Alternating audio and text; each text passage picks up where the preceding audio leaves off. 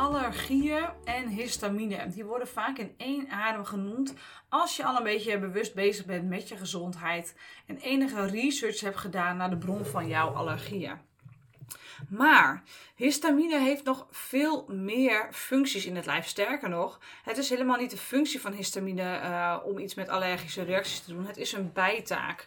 En soms dan wordt die bijtaak dus zo, uh, zo groot Ehm, dat het zijn functie elders niet meer goed kan uitvoeren. En dan krijg je een ketting aan reacties die helemaal niet zo heel erg uh, ja, fijn voor je zijn.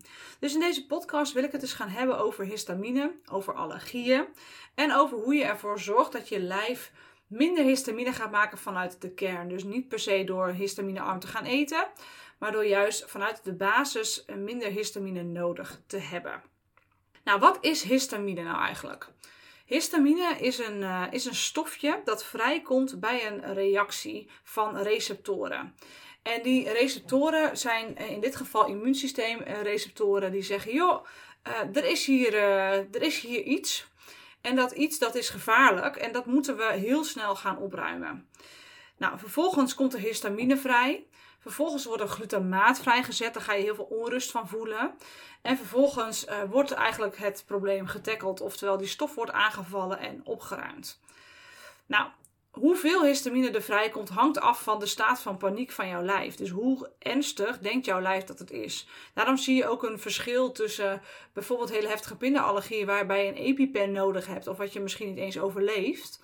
En uh, dat, uh, dat iemand anders een beetje matig reageert op bijvoorbeeld caseïne uit zuivel. Dus het is heel verschillend per persoon, maar vooral ook dus per lichaam hoe die reactie is. Nou, dit is normaal een gezonde reactie vanuit histamine, al is het niet gezond dat er op voeding gereageerd wordt. Want dat hoeft natuurlijk helemaal niet. Sterker nog, um, het immuunsysteem is helemaal niet bedoeld om voeding, wat in onze natuurlijke omgeving aanwezig is, wat goed voor ons is, uh, aan te vallen. Dat is helemaal niet de bedoeling. Maar dat is gaandeweg zo gegaan, omdat wij ons hele immuunsysteem verzwakt hebben in de basis, waardoor het veel sneller is gaan moeten reageren op dingen. En wat bedoel ik dan mee met dat het verzwakt is in de basis? Door tekorten, met name vanuit eiwitten, vitamines, zwavels, is het immuunsysteem verzwakt. En op een gegeven moment, als het immuunsysteem, verzwakt is, ga je minder capaciteit krijgen. En vooral in de hele specifieke. Uh, nee, vooral, je, hebt zeg maar drie lijnen immuunsysteem. De eerste lijn is in principe je huid. De tweede lijn is een soort van grof geschud. En de derde lijn is een heel erg specifieke, nou, zie je het als Special Forces-achtige uh, taak die heel specifiek dat ene stofje opruimt. Maar dat is dan ook meteen het systeem wat dus uh, meespeelt bij het allergische systeem. Nou, wat er gebeurt als jouw jouw grenzen, de eerste lijn, dus je darmslijmvliezen of je huid en dergelijke, niet goed uh, werken, dan komt het tweede immuunsysteem bij. Dat gaat zeggen, grof geschud, ik ga gewoon hier een beetje de boel afknallen. En dan, dan ruimt het wel op. En dan vervolgens, als dat grof geschut het niet aan kan, haalt het grof geschut die derde lijn erbij en die zegt: Jullie moeten het doen, want ik kan dit niet. Nou, dat is een heel normaal systeem, zeker bij een salmonella-bacterie bijvoorbeeld. Daar heb je, dat kan niet met, die salmonella-bacterie is zo slim geworden, dat red je gewoon niet met je eerste en je tweede lijn. Daar komt die derde lijn dan op een gegeven moment bij kijken. Daarom ben je er ook wat langer en flink ziek van. Nou, wat bedoel ik dan met verzwakking van het immuunsysteem? Is dat die eerste en die tweede lijn minder goed werken. Dus bijvoorbeeld, je hebt slijmvliezen in je darmen die openstaan. Dus dan is die grens is al open, waardoor dat tweede systeem veel vaker in beweging moet gaan komen. Nou, als dat tweede immuunsysteem heel vaak in beweging moet komen, dan is dat op een gegeven moment ook een beetje uitgeput. Dat wordt moe, uh, daar beschadigen dingen bij. En als dat constant de hele dag door gebeurt, en er kan niet een adempauze zijn van een paar dagen bij wijze van, ja, dan kan je wel je voorstellen dat dat leger op een gegeven moment een beetje uitdunt. Nou, en als dat leger dus uitdunt, zul je dus veel sneller dat verworven immuunsysteem erbij halen. Oftewel die derde lijn, die special forces, uh, om de boel op te ruimen. En, uh, en, het, ja, en dan ga je dus allergische reacties krijgen. Want dan gaat dat verworven immuunsysteem ook reageren op bijvoorbeeld cashewnoten. Op bijvoorbeeld uh, ja, uh, gluten. zeker als dat in alle heftigheid is, ja, dan heb je eigenlijk al een heel traject van jaren daarvoor van een uitkleding van jouw basisimmuunsysteem gekregen. Nou, dat is even de uitleg over hoe het immuunsysteem werkt in, in drie minuten. Wat er dus gebeurt als jouw lijf signaleert: hey, uh, dit is gevaarlijk, dan komt er dus uh, histamine vrij. En dan wordt het hele lijf in een stressstand gezet. Het moet opgeruimd worden. Nou, dat is ook wat je merkt, want je voelt daarbij dus onrust. Je kan wat gejaagd zijn, bewegelijk zijn, je gewoon niet, niet lekker voelen. En het vervelende is, kijk, als dat in alle heftigheid gebeurt, dan neemt dat alles over. En dan weet je gewoon, oh, dit moet opgelost worden. Maar vaak sluimert en sluimert en sluimert dit de hele dag door. Dus je voelt die onrust, maar je weet gewoon niet de bron daarvan. En als je dat dan niet weet, dan kan het ook nog maar eens zijn dat je hem bij jezelf gaat zoeken. Dat je vervolgens denkt, ik moet meer mediteren. Of ik heb over belemmerende overtuigingen die ik moet, uh, moet loslaten. Want ik voel zoveel onrust. Of ik moet mijn leven veranderen of wat dan ook. Terwijl soms de basis daarvan juist heel erg in dat lijf ligt. In die uh, over, ja, overaanwezigheid van glutamaat, van histamine. Nou, wat merk je als jij eigenlijk al jarenlang veel histamine uh, hebt in je lijf? Je merkt sowieso huidklachten, dat is echt een veel voorkomende klacht hierbij. Je kunt gejaagdheid merken, je kunt versnelde hartslag merken. Eigenlijk een beetje adrenaline-achtige signalen die daarbij meespelen. Maar ja, vrijwel altijd, en dat is niet altijd zo, maar vrijwel altijd speelt de huid wel een rol. Of je hebt heel veel voedselovergevoeligheden, dat, dat het juist in je buik heel erg actief is. Dat je merkt dat je buik heel snel reageert en dat je daar niet goed van voelt. Nou, histamine speelt ook een rol bij hooikoorts trouwens. Dus ook hooikoorts valt onder dit soort allergieën. Ehm, en als je daar dus last van hebt, dan is het een hele interessante om, uh, om hier uh, op een ander niveau eens naar te gaan kijken. Dus kijk op het niveau van, niveau van hooikoorts of die allergie of die huidklacht, dan ben je eigenlijk alleen nog maar uh, het symptoom aan het bestrijden wat die histamine uh, aan, het, ja, aan het veroorzaken is. En eigenlijk wil je dus naar de oorzaak toe. Waarom maak ik dan zoveel histamine aan? Nou, er zijn twee. Nee, de histamine heeft, heeft andere functies in het lijf, wat ik al net vertelde. Um, een hele belangrijke functie daarvan is dat het vocht transporteert naar de hersenen. Als er een vochttekort is in de hersenen, dan, dan gaat histamine aangemaakt worden om vocht in die hersenen te krijgen. Want dat is natuurlijk super belangrijk. Speelt dan ook nog bij dat je bloeddruk dan verhoogt, want dat vocht dat moet naar boven gepompt worden. Dus ook een hoge bloeddruk heeft hier een relatie mee.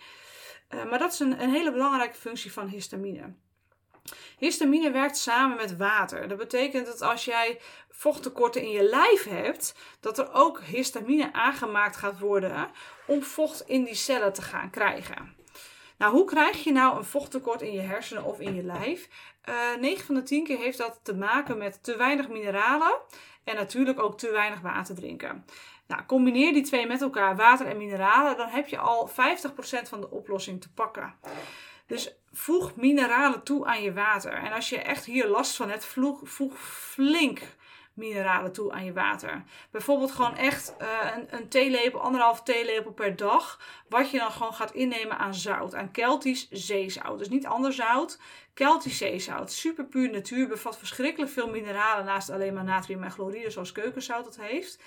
Uh, en al die mineralen die dragen er dus bij dat die cellen verzadigd worden met mineralen, waardoor je ook vocht in die cellen kunt houden, waardoor er geen vochttekort ontstaat, waardoor histamine ook niet nodig is om aangemaakt te worden. Dus het is een heel belangrijk inzicht. Dat als je hier last van hebt, ja, kan het zo simpel zijn? Ja, dit maakt echt groot verschil. Nou, heb je echt een flink mineralentekort, dan is alleen maar zout gebruiken niet genoeg. Dan moet je ook een hoog gedoseerd mineralencomplex gaan gebruiken voor een periode. Om te zorgen dat dus die cellen echt helemaal verzadigd gaan raken in je hele lijf met mineralen. Want dan kun je een uitwisseling krijgen tussen de mineralen die in het water zitten en de mineralen die jij in je cellen hebt zitten. Dus je drinkt dan nog steeds gewoon water met zout. Uh, het is niet zo dat je het helemaal hoeft te proeven hoor, maar je wil wel gewoon dat er een soort van volle smaak aan het water komt. Nou, en dan krijg je dus dat die vochthuishouding gaat herstellen in je lijf.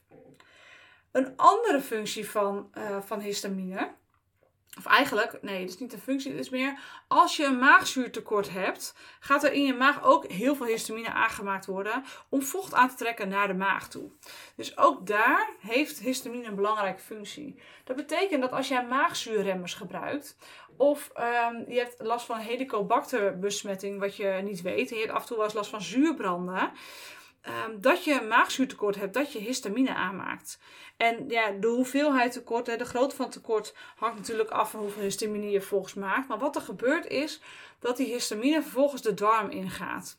Want vanuit je maag komt dat in je darm terecht. En dan krijg je dus een overschot aan histamine in je darmen. En dan gaat die histamine daar vervolgens natuurlijk ook vocht aantrekken en vasthouden. En gedoe veroorzaken. Gedoe aan slijmvliezen. Uh, gedoe waardoor die lekkere darm groter gaat worden. Dus het is echt een vicieuze cirkel die zichzelf in stand houdt. Histamine is niet de boosdoener. Histamine probeert te redden wat het te redden valt. Die probeert de balans te herstellen. Maar de boosdoener ligt hem al veel eerder. Vochttekorten, uh, verzwakking van het immuunsysteem. Uh, eventueel zinktekorten, omdat dat maagzuur aan de lage kant is. Dus dat zijn echt belangrijke zaken. Nou, als het eenmaal in die darm is en daar een overschot aanwezig is, ja, die stof die, die gaat daar zijn werk wel doen. Oftewel, die gaat daar vocht aantrekken en die gaat daar ja, irritatie, immuunsysteem uh, activeren. Dan ga je. Um, dan moet dat afgebroken gaan worden in de darm. Dus je lijf die wil dat afbreken, want dat is gewoon niet positief. Nou, om dat af te breken heb je enzymen nodig. Uh, enzymen, dat heet DAO-enzym. Een DAO-enzym breekt dus histamine af. Of DPP-4-enzym.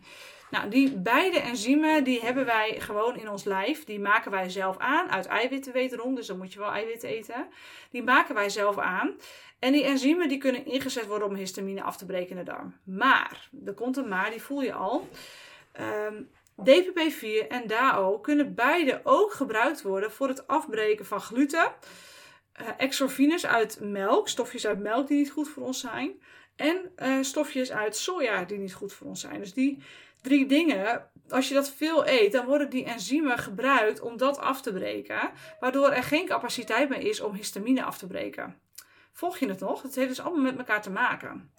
Dat betekent dus ook dat als je daarmee speelt, uh, dat het een goed idee is om gluten, uh, caseïne, dus melkproducten en sojaproducten 100% te schrappen uit je voedingspatroon. Zodat jij die enzymen weer kunt gaan gebruiken om een overschot aan histamine af te breken.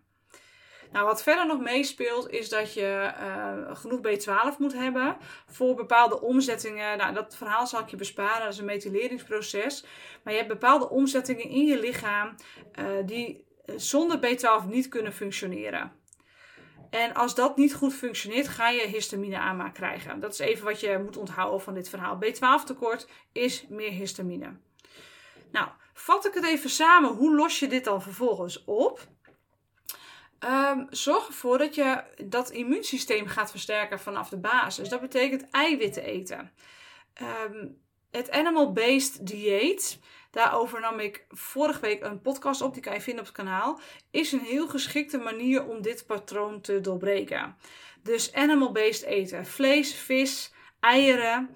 Uh, dan even geen zuivel in dit geval. Honing, boter, uh, fruit. Uh, en een heel klein beetje groenten, maar dan alleen maar groenten zoals pompoen, courgette, komkommer. Van die hele licht verteerbare groentes. Dat is wat je dan kan eten. En alle noten, zaden, granen, uh, zuivel, al dat soort dingen laat je staan. Dus je gaat kiezen voor een eiwitrijk dieet met veel dierlijke voeding. Dat zorgt voor demping. Zorg voor genoeg water, dus 2 liter water op een dag en voeg uh, veel Celtisch zeezout toe. En met veel bedoel ik zeker in dit geval minimaal halve theelepel per liter water. Mag ook meer zijn. Nou, wat dan redmiddelen zijn. Uh, trouwens, als je dat animal based gaat eten, krijg je ook meteen voldoende B12 binnen. Je krijgt genoeg uh, eiwitten binnen. Je krijgt meer zwavels binnen. Dus het is win-win op alle fronten. Uh, maar wat je nog kan doen als hulpmiddel, is het inzetten van vitamine C. als je dat doet op de nuchtere maag, dat is ook een afbreker van histamine. Dus ook vitamine C breekt histamine af. Dus als je dat als supplement gaat gebruiken, dan kan dat ook helpen om de boel wat tot rust te gaan krijgen. Nou, DPP-4 kun je ook suppleren, maar eigenlijk is het veel doeltreffender om te gaan zeggen en ook goedkoper om te gaan zeggen: ik ga gewoon um, gluten, melk, soja laten staan, want dat uh, ja, zorgt voor minder DPP-4. Dus je draait het eigenlijk om en in plaats daarvan zet je eiwitrijke voeding en dan krijg je dus een win-win situatie.